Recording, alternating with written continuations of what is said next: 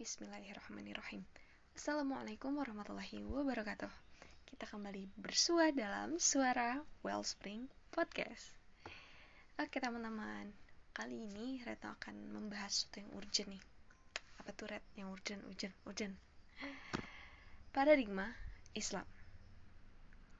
Paradigma menurut Stephen Covey dalam bukunya Seven Habits of Highly Effective People mendefinisikan paradigma sebagai cara pandang kita memandang sesuatu, baik dari memandang diri kita sendiri, memandang orang lain, dan juga memandang terkait kehidupan. Lalu, kata yang mau kita maksud sekarang ini tuh, frasanya tuh, paradigma Islam. Ya pasti udah ngeh lah, paradigma Islam berarti cara pandang kita tentang Islam sebagai landasan dalam hidup kita, bertingkah laku kepada orang lain dan juga terhadap diri kita sendiri. Lalu, apa aja tuh landasan dari paradigma Islam? Yang jelas, berdasarkan Al-Quran dan hadis sebagai pedoman hidup mulai dari kita lahir sampai kita meninggal semua itu sebenarnya ada cuman kalau misalnya masih ada orang yang menganggap terlalu bingung untuk dipahami dan tidak mengerti itu bukan karena Al-Quran dan Al-Hadis yang tidak bisa mengikuti perkembangan zaman tetapi diri kitanya ilmu kita yang belum bisa nyampe untuk memahami itu maka dari itu harus apa kita harus belajar mempelajari agama Islam itu sendiri dengan lebih tekun dan juga lebih serius. Oke, okay. Jadi paradigma Islam memerintahkan manusia untuk membangun segala pemikirannya berdasarkan akidah Islam, bukan lepas dari akidah kayak misalnya tuh paradigma sekuler ataupun paradigma sosialis.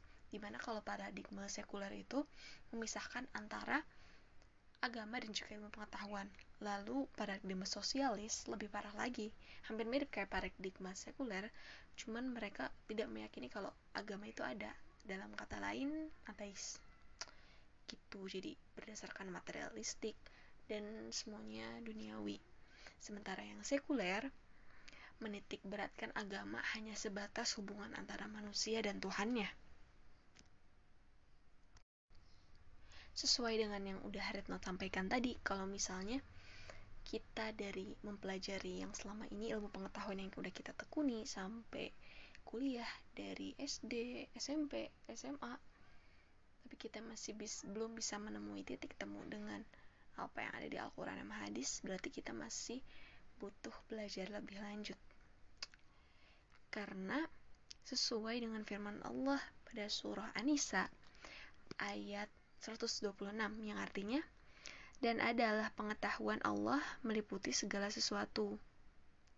Dan juga arti dari surat At-Talaq ayat 12 dan sungguhnya Allah ilmunya benar-benar meliputi segala sesuatu. Jadi nggak perlu diraguin lagi teman-teman. Kalau paradigma Islam itu memang harus kita yakini terutama kita sebagai muslim untuk menjadi muslim yang seutuhnya. Dan intinya, paradigma Islam menjadikan akidah Islam sebagai dasar atas segala pengetahuan seorang muslim. Dari paradigma ini, mencetak ilmuwan-ilmuwan muslim yang luar biasa dan juga soleh dan cerdas juga lah. Namanya juga ilmuwan gitu kan ya. Cuman mungkin ada sejarah-sejarah yang disembunyikan dan teman-teman juga pasti udah pernah dengar kasus waktu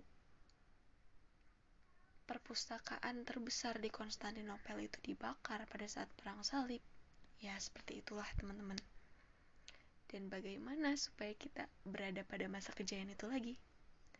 Ya kita sebagai kaum muslimin harus menyadari kalau pandangan dalam berparadigma Islam itu harus kita kuatkan dalam ilmu pengetahuan. Seperti itu, teman-teman. Oke, semoga dapat bermanfaat. Sampai bertemu lagi di episode selanjutnya. Wassalamualaikum warahmatullahi wabarakatuh.